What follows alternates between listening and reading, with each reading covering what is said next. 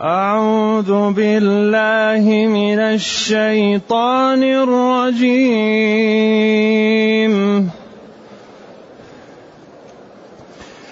إن أصحاب الجنة اليوم. إن أصحاب الجنة اليوم في شغل فاكهون. هم وأزواجهم هم وأزواجهم في ظلال على الأرائك. هم وأزواجهم في ظلال على الأرائك متكئون. لهم فيها فاكهة ولهم ما يدعون. سلام قولا سلام قولا من رب رحيم. وامتازوا اليوم أيها المجرمون. وامتازوا اليوم أيها المجرمون. الم اعهد اليكم يا بني آدم الا تعبدوا الشيطان الم اعهد اليكم يا بني آدم الا تعبدوا الشيطان إنه لكم عدو مبين. وأن اعبدوني وأن اعبدوني هذا صراط مستقيم. ولقد أضل منكم جبلا كثيرا. أفلم تكونوا تعقلون؟ هذه جهنم هذه جهنم. التي كنتم توعدون. اصلوها اليوم بما كنتم تكفرون. اليوم نختم على أفواههم وتكلمنا. وتكلمنا أيديهم وتشهد أرجلهم بما كانوا يكسبون. ولو نشاء لطمسنا على أعينهم فاستبقوا الصراط فأنا يبصرون. ولو نشاء لمسخناهم. ولو نشاء لمسخناهم على مكانتهم. فما استطاعوا مضيا ولا يرجعون. ومن نعمره ننكسه في الخلق أفلا يعقلون. وما علمناه الشعر وما ينبغي له. وما ينبغي له إن هو إلا ذكر وقرآن مبين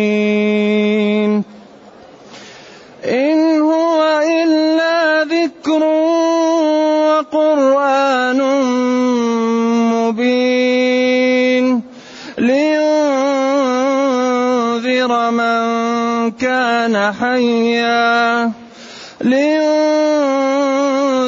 من كان حيا ويحق القول على الكافرين. الحمد لله الذي أنزل إلينا أشمل الكتاب وأرسل إلينا أفضل الرسل وجعلنا خير أمة أخرجت للناس. فله الحمد وله الشكر على هذه النعم العظيمة والآلاء الجسيمة والصلاة والسلام على خير خلق الله وعلى آله وأصحابه ومن اهتدى بهداه. أما بعد فإن الله تعالى يصف أهل الجنة في الجنة. إن توكيد أصحاب أهل الجنة معروفة. هذا المنزل الذي أعده الله لمن اتقاه من خلقه يوم القيامة. لأن هذا المنزل فيه مزارع وفيه أشجار وفواكه وفيه أشياء عجيبة من الجمال والحسن. فسمي يعني منازل الناس يوم القيامة سماها جنة. لما فيها من الجنان والمزارع والفواكه والخضروات والورود والنساء والمتع. شيء لا يعلمه إلا الله. لما بين حال الكفار قبل هذا الآيات التي قبل هذا بين فيها حال الكفار ومآلهم وما أعد لهم فهنا جاءت الشريحة الأخرى. إن أصحاب الجنة أصحاب أهلها ومن هم ملازمون لها؟ اليوم أي يوم القيامة؟ في شغل. وهذا يدل على أن أهل الجنة يدخلون الجنة وأهل النار لا زال بعضهم في إيش؟ في المحشر وفي المحاسبات. أما الطيبون من أهل الجنة على طول يدخلون ويبدأون في المتع وفي الشغل. قال العلماء شغل مع أهلهم دائما أبكار افتضاض الأبكار. و سماع المزمار وزيارة الأحبة وضيافة الديان.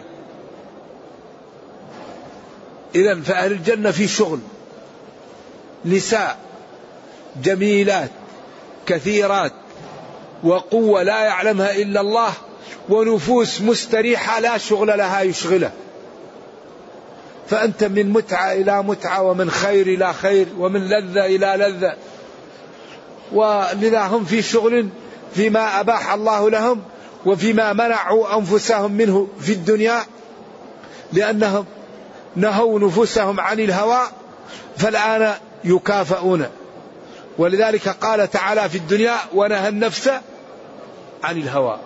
فإن الجنة هي المأوى.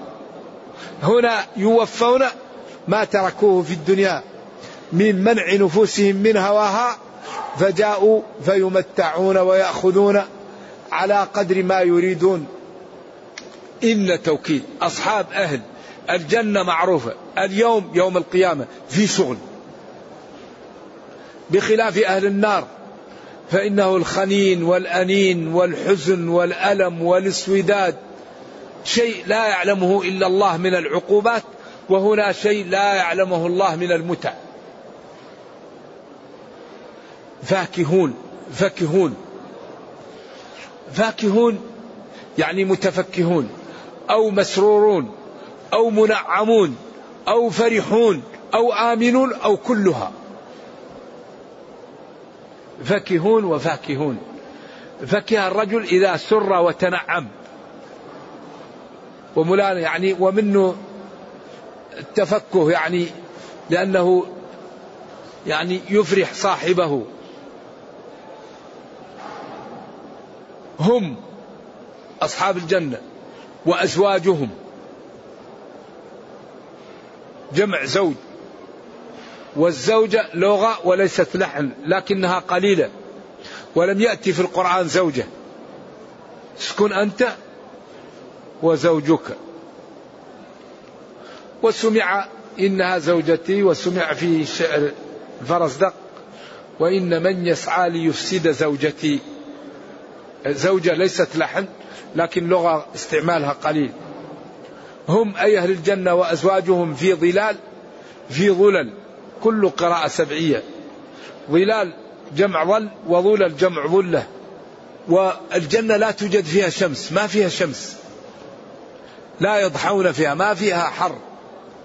على الأرائك الأرائك جمع أريكة والأريكة هو السرير التي توضع عليه قبة الحجلة وتجمل وتجمل يسمى الأريكة.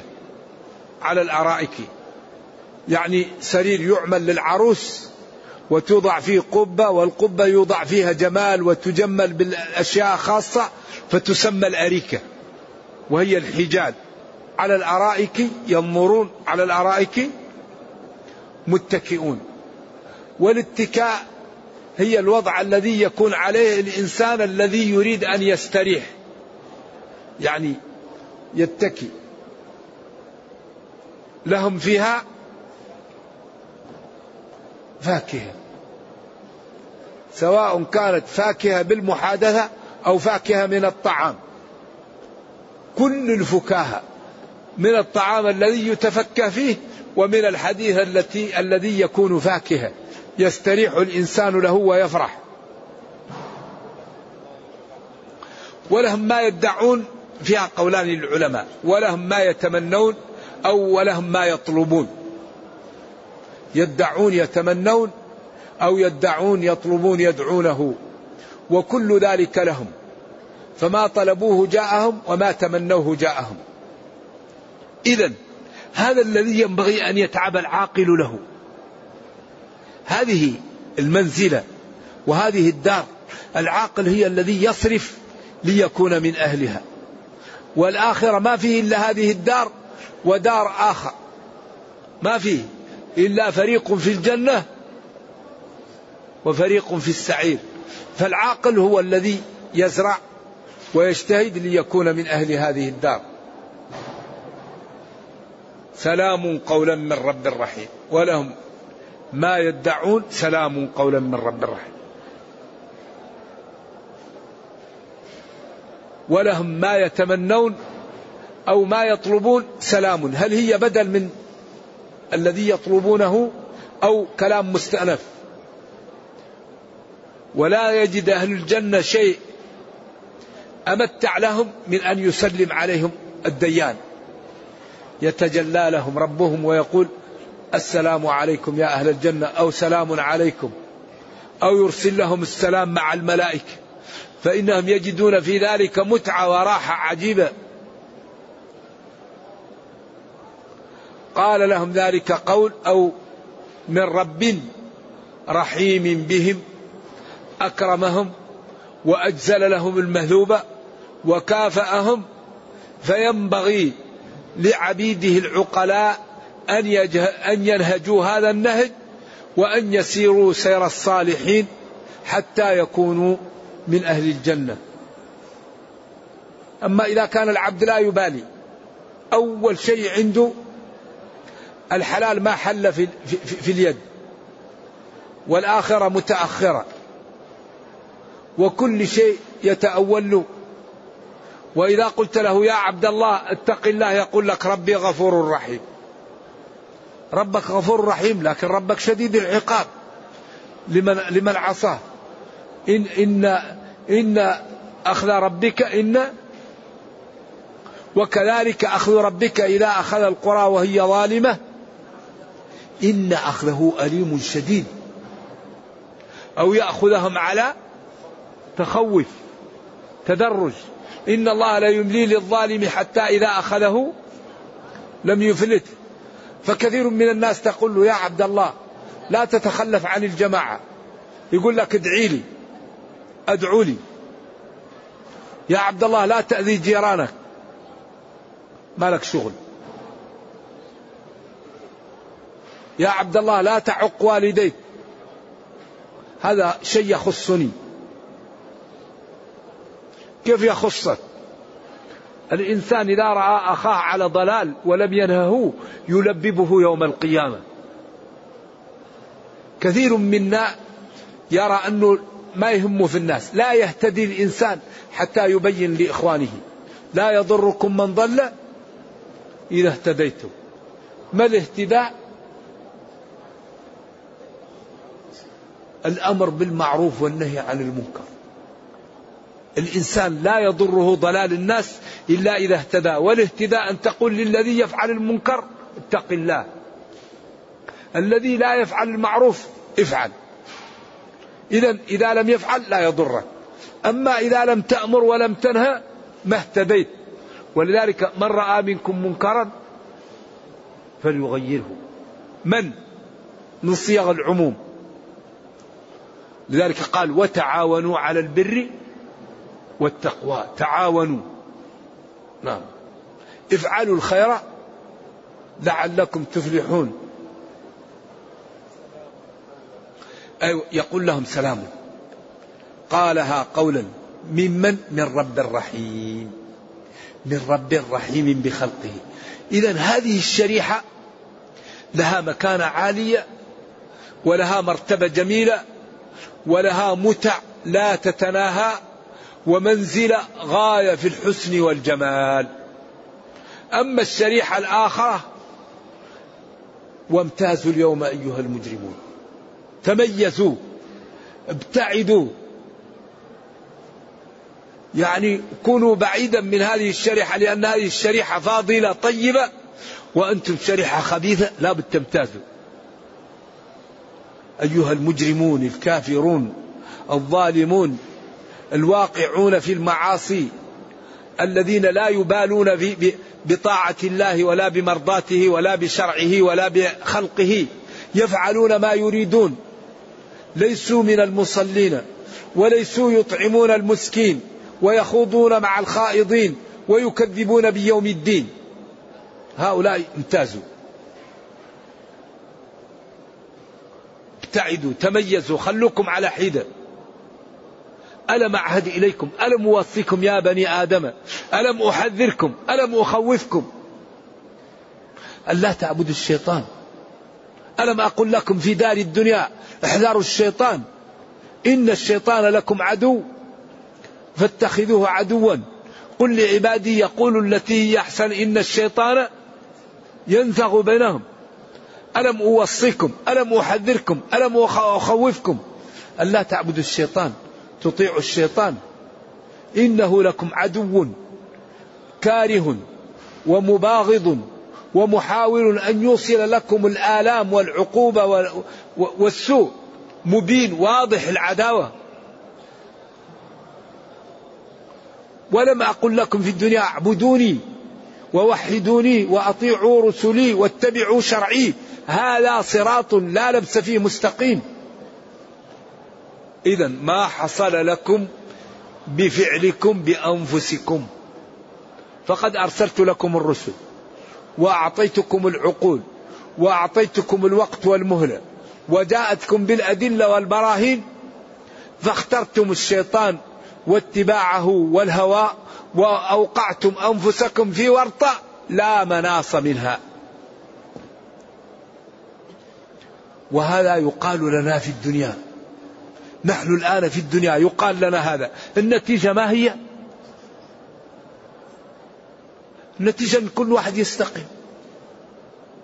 كل واحد يتوب. كل واحد يبتعد عن, عن, عن بنيات الطريق. أهل النار سألهم أهل الجنة ما سلككم في سقر؟ قالوا لم نكن من المصلين ولم نكن نطعم المسكين. وكنا نخوض مع الخائضين وكنا هذه كبريات أسباب دخول النار. عكسها كبريات أسباب دخول الجنة. قد أفلح المؤمنون الذين هم في صلاتهم خاشعون والذين هم عن اللغو معرضون والذين هم للزكاة فاعلون. هذه كبريات أسباب دخول الجنة وهذه كبريات أسباب دخول جهنم. وقال كتاب أنزلناه إليك مبارك مبارك كثير البركة كثير النفع ليدبروا آياته ليعملوا به لي لي ليتمثلوه لينقذهم. لذلك قد أفلح المؤمنون يقابلها نكذب بيوم الدين. الذين هم في صلاتهم خاشعون يقابلها لم نكن من المصلين. ونطعم المسكين يقابلها. والذين هم للزكاة فاعلون. لم نكن نطعم المسكين يقابلها. والذين هم للزكاة فاعلون. ونخوض مع الخائضين يقابلها. عن اللغو معرضون. انظروا إلى هذا كيف المقابلة هنا وهنا. لذلك هذا الكتاب لو تدبرناه لطلعنا منه كل ما نحتاجه. بس نحتاج نعطيه الوقت. لا بد أن نعطي وقتا لهذا الكتاب. كنوز. أسباب النصر أسباب العزة أسباب دخول الجنة أسباب دخول جهنم أسباب أعوذ بالله الكوارث أسباب الرفعة. تبيان لكل شيء. لا بد أن نصحب هذا الكتاب. لا بد أن نعطيه الوقت الذي به نستفيد منه. إذا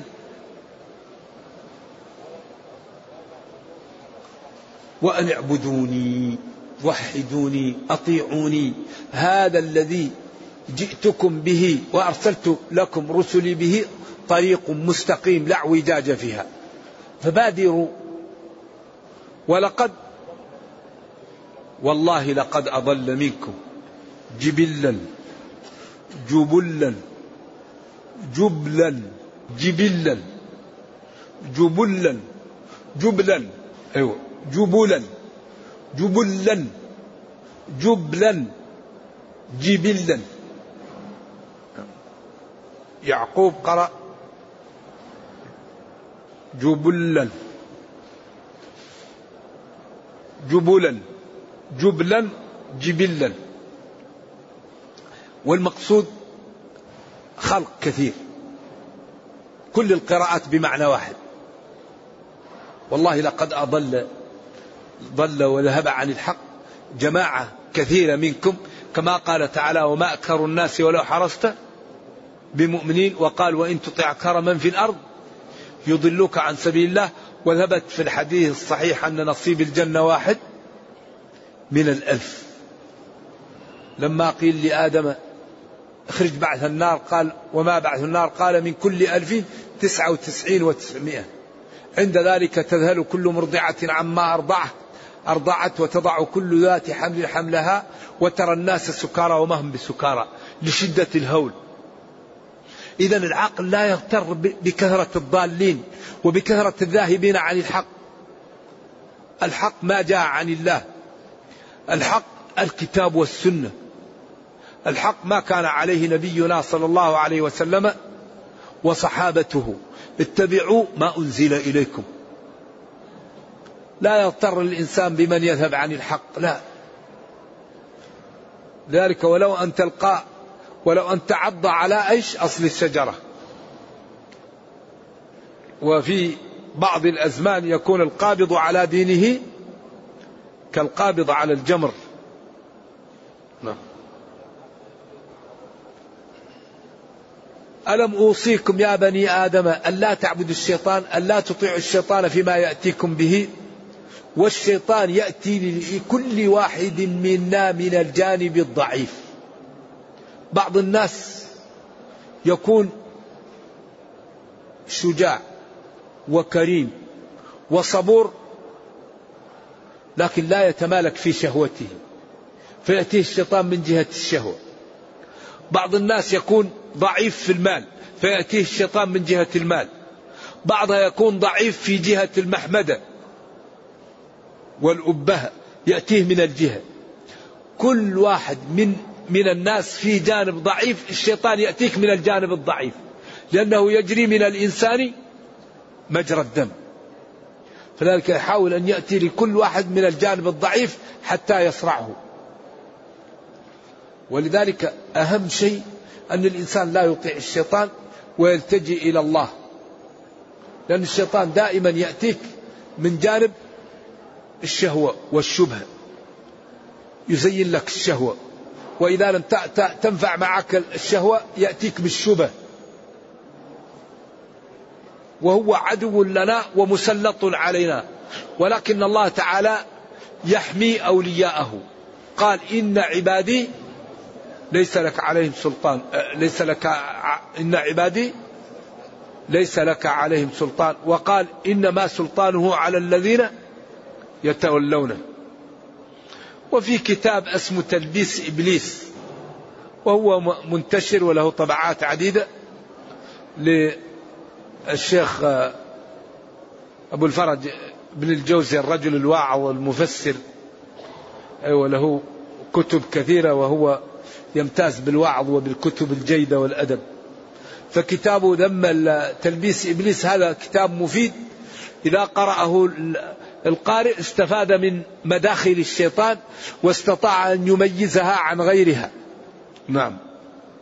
وأحيانا يأتيك الشيطان عن طريق الدين. أول يحاول أن يكفرك. فإن لم يستطع يحاول أن يسوف بك. فإن لم يستطع يحاول أن يدخل لك الرياء. فإن لم يستطع يحاول أن يشغلك بالمفضول عن الفاضل. يعني لا يقصر معك. أول شيء يقول لك الدين غير صحيح. فإذا رأى إيمانك قوي قال لك لم تحج السنة؟ أجل السنة حتى تأتي وتفعل بعض الأشياء. وأنت الآن مشغول أحسن تجعل تؤخر الحج حتى تفضى عشان يكون قلبك إيش؟ متفرغ للحج. إذا أردت تصلي يقول لك أصبر حتى تأتي من المشوار عشان قلبك يكون إيش؟ في ضيع الوقت ما صليت يسوف بك فإن لم تقبل منه وابت في الطاعات يدخل لك الرياء يقول ما شاء الله الناس يذكرونك بالخير. حتى يدخل لك الرياء ويفسد عليك العمل. فإن لم تقبل أشغلك بالمفضول عن الفاضل. تريد أن تزور أخا في الله يقول لك ما لك وما للناس اجلس في بيتك. تريد أن تلقي درس يقول لك الناس لا تحب الدروس أحسن لك تجلس في بيتك. فيشغلك بالمفضول عن الفاضل. ولذلك قال فلآتينهم من بين أيديهم ومن خلفهم وعن أيمانهم وعن شمائلهم ولا تجد أكثرهم شاكرين. حتى قال ولقد صدق عليهم إبليس ظنه. فاتبعه إلا فريقا منهم. وهو قوله فبعزتك لأغوينهم أجمعين. نعم. إنه أي الشيطان لكم أيها المخاطبون. عدو بي ظاهر العداوة. عدو والعداوة هو أن يكون الإنسان يكره أن يصلك الخير وأن يصلك النفع. ويفرح بأن يوصل لك إيش الضرر. العدو هو الإنسان الذي يكره الإنسان ويفرح أن يناله السوء ولا يريد أن يناله الخير. هذا هو العدو. مبين أي واضح العداوة لا لبس فيها. وأن أنه أي الأمر والشأن اعبدوني أطيعوني. هذا الذي بينته لكم طريق واضح لا لبس فيها وهو أن الشيطان لكم عدو وأن عبادتي واجبة وهي المنجاة لكم.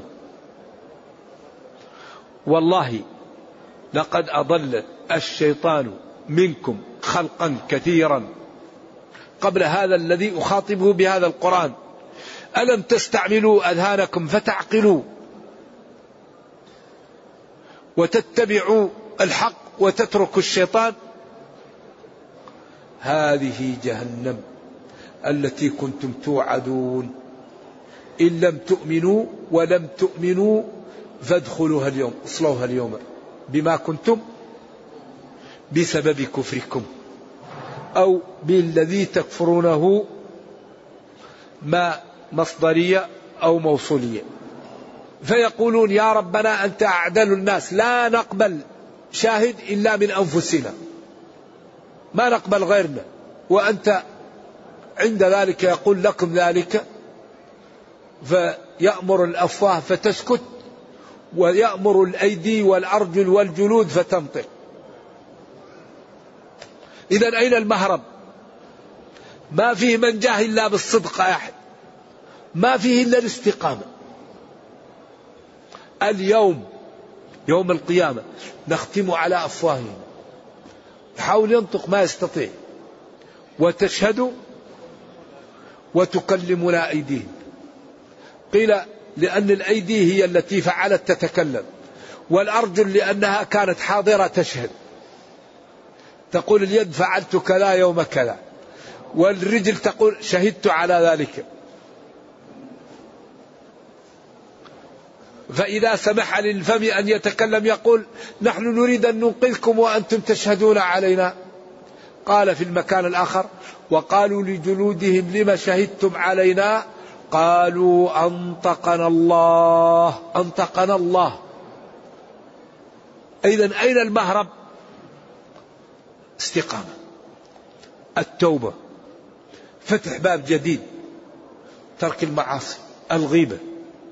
النميمة عقوق الوالدين الربا أذية الجيران التخلف عن الجماعة الوقوع في أعراض المسلمين. النميمة هذه كلها موارد للإباء أكثر ما يضيع خلخلة المسلمين الخوة هي هذه الأمور الستة. ولذلك لما أمر بالصلح بين المسلمين سد منافذ خلخلة الأخوة. إنما المؤمنون إيش؟ إخوة فأصلحوا. ثم سد منافذ خلخلة الأخوة. وهي الستة. وهذه التي تأتي منها التكاره والتباغض بين المسلمين. هذا الدين رائع. لكن نحن نائمون. متى نأخذ هذا الكتاب ونقرأه ونطلع منه ما نحتاجه؟ إدارة. تجارة عبادة تربية قوة تآلف. نطلع منه ما يضرنا نتجنبه. لذلك كل تقويض الأمة هو ناشئ عن تعطيل أوامر وانتهاك نواهي. هذا الذي قوض العالم الإسلامي الآن. مليار وستمائة مليون. وهو في كثير من أموره لا يستشار. السبب أوامر معطلة ونواهي منتهكة أعدوا. أين المسلمون من هذا الأمر؟ ولا تنازعوا. أين المسلمون من هذا النهي؟ وقس على ذلك. إن الله لا يغير ما بقوم حتى يغيروا ما بأنفسهم. الله كريم وقادر. ومن جاءه جاءه باع ومن جاءه يمشي جاءه هرولة. والله لا لا يمل حتى تملوا. إذا قل هو من عندي أنفسكم. فحري بنا أن أن تكون للمسلمين مراكز عملاقة للاستفادة من هذا القرآن. مركز. اسمه مركز الاستفادة من القرآن رفع الأمة بالقرآن. رفع الأمة إداريا. واقتصاديا وأخلاقيا واجتماعيا وسياسيا كل شيء نرفع الأمة بالقرآن وتربية. لأنه الله قال تبيان لكل شيء. والله قال ومن أصدق من الله قيلا. إذا ما دام القرآن تبيان لكل شيء كل شيء نحتاج نأخذه من القرآن.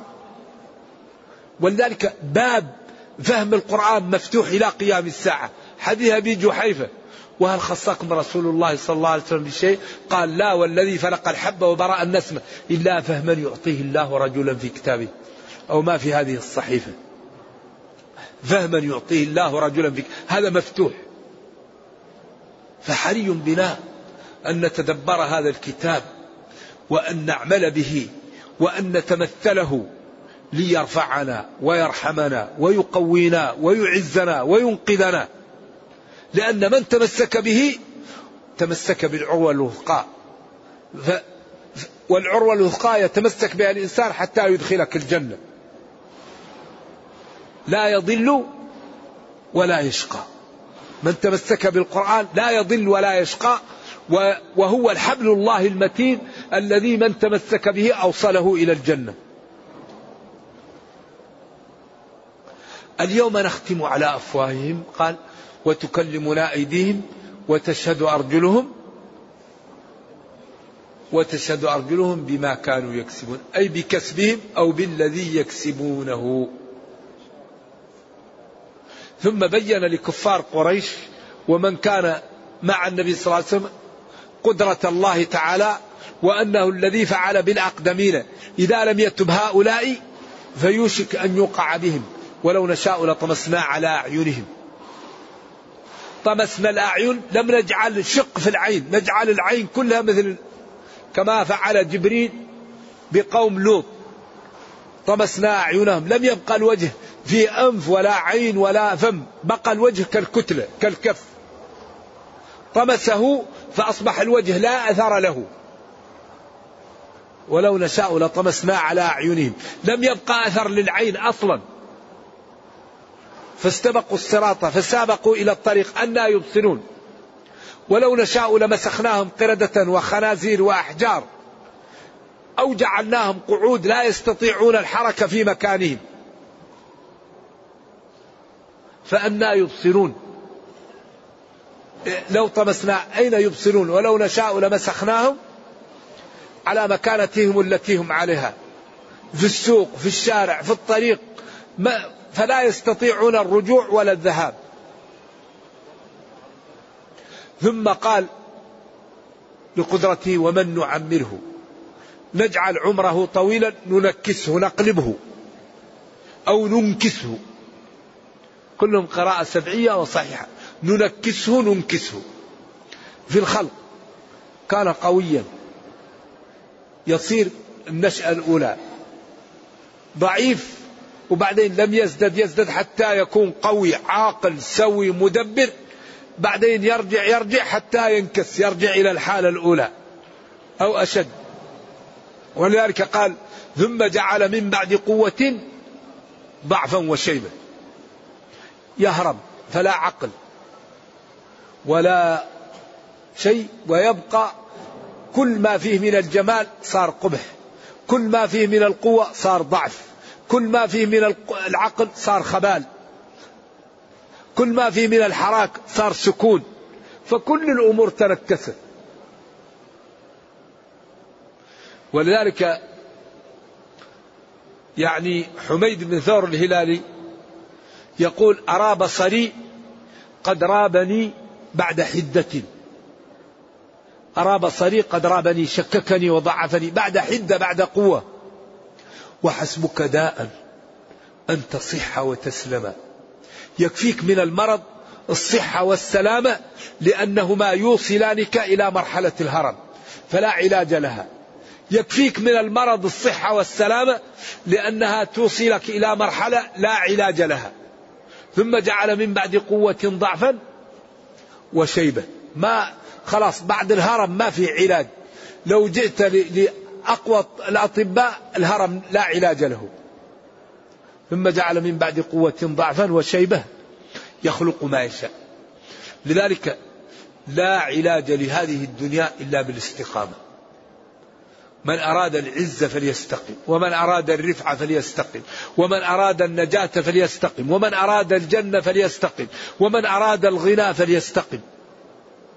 ما فيه إلا الاستقامة. أبدا. الذي لا يستقيم كأنه يعرض نفسه للويلات دنيا وأخرى. الله أعطاك النعم أعطاك البصر أعطاك الشم أعطاك السمع أعطاك اللسان أعطاك العقل. وطالبك بأشياء كلها تستطيعها. ألا تشكر من أحسن إليك؟ ينبغي أن نشكر ربنا. وشكر الله أن نستعمل نعمه في طاعته. هذا هو الشكر. الشكر الحقيقي أن نستعمل نعم الله في طاعته. ولا نستعمل نعم الله في معصيته. ومن فعل ذلك ضمن له الرب أن يصلح له دنياه وأخراه. وأي شيء أعظم من أن تصلح للعبد دنياه وأخراه. أفلا يعقلون؟ أفلا تعقلون؟ أفلا يعقل هؤلاء أو فلا تعقلون أيها المخاطبون؟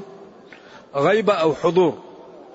ثم بين أن النبي صلى الله عليه وسلم مرسل من عند الله وأن ما أتى به الوحي وأنه ليس بشعر لأنه لا يعرف الشعر ولا ينبغي له لأن الشعر أغلبه يكون فيما لا ينبغي وأعلبه أكذبه وورد في الحديث الصحيح لا أن يمتلي جوف أحدكم قيحا يريه خير له من أن يمتلي شعرا.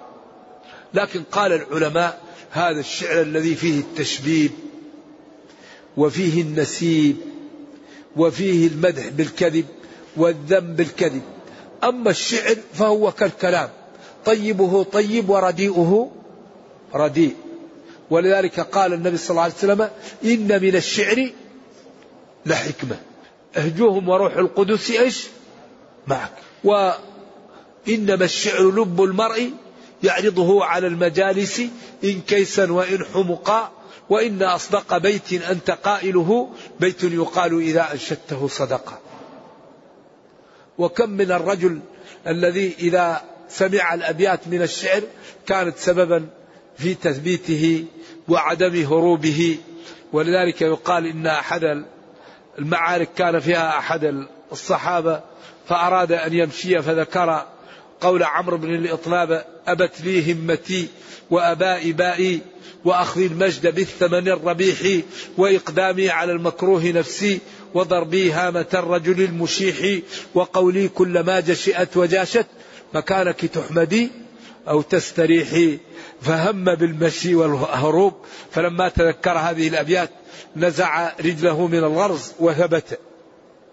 والشعر طيبه طيب ورديئه رديء ولكن القرآن من أعطاه الله له فلا يضيع وقته في الشعر لأن القرآن الحقيقة كتاب لا يأتيه الباطل من بين يديه ولا من خلفه والحرف منه بعشر حسنات وهو تبيان لكل شيء ورسالة من ربنا إلينا فهي التي فهو الذي ينبغي أن نقرأه وأن نحفظه وأن نتأمله وأن نصرف أوقاتنا فيه. أما الشعر فهو كلام الناس وكلام الناس فيه الطيب وغير الطيب فلا يضيع المسلم وقته ولا يشتغل إلا بكتاب ربه وبسنة نبيه صلى الله عليه وسلم. فإن هذا الذي فيه النجاة وفيه العقل وفيه المتعة وفيه كل ما يصلح للعبد دنياه وأخراه. وما ينبغي له. ولذلك قال أبو بكر لما قال أصدق بيت قالت العرب بيت لبيد ألا كل شيء ما خلا الله باطل؟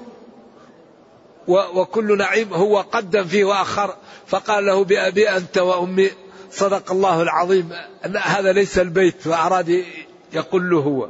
فكل ما قرأ بيت يقلبه أظن إلا بيت وبيتين قالوا هذا ما أنت إلا أصبع دميتي وفي سبيل الله ما لقيت وشعر عبد الله بن رواحة رضي الله عنه قالوا هذا ليس من الشعر وإنما هذا من باب الورود. كما أن قد يأتي بعض الآيات هي على ولكن هذا لا يسمى شعرا إلا ما كان فيه القصد.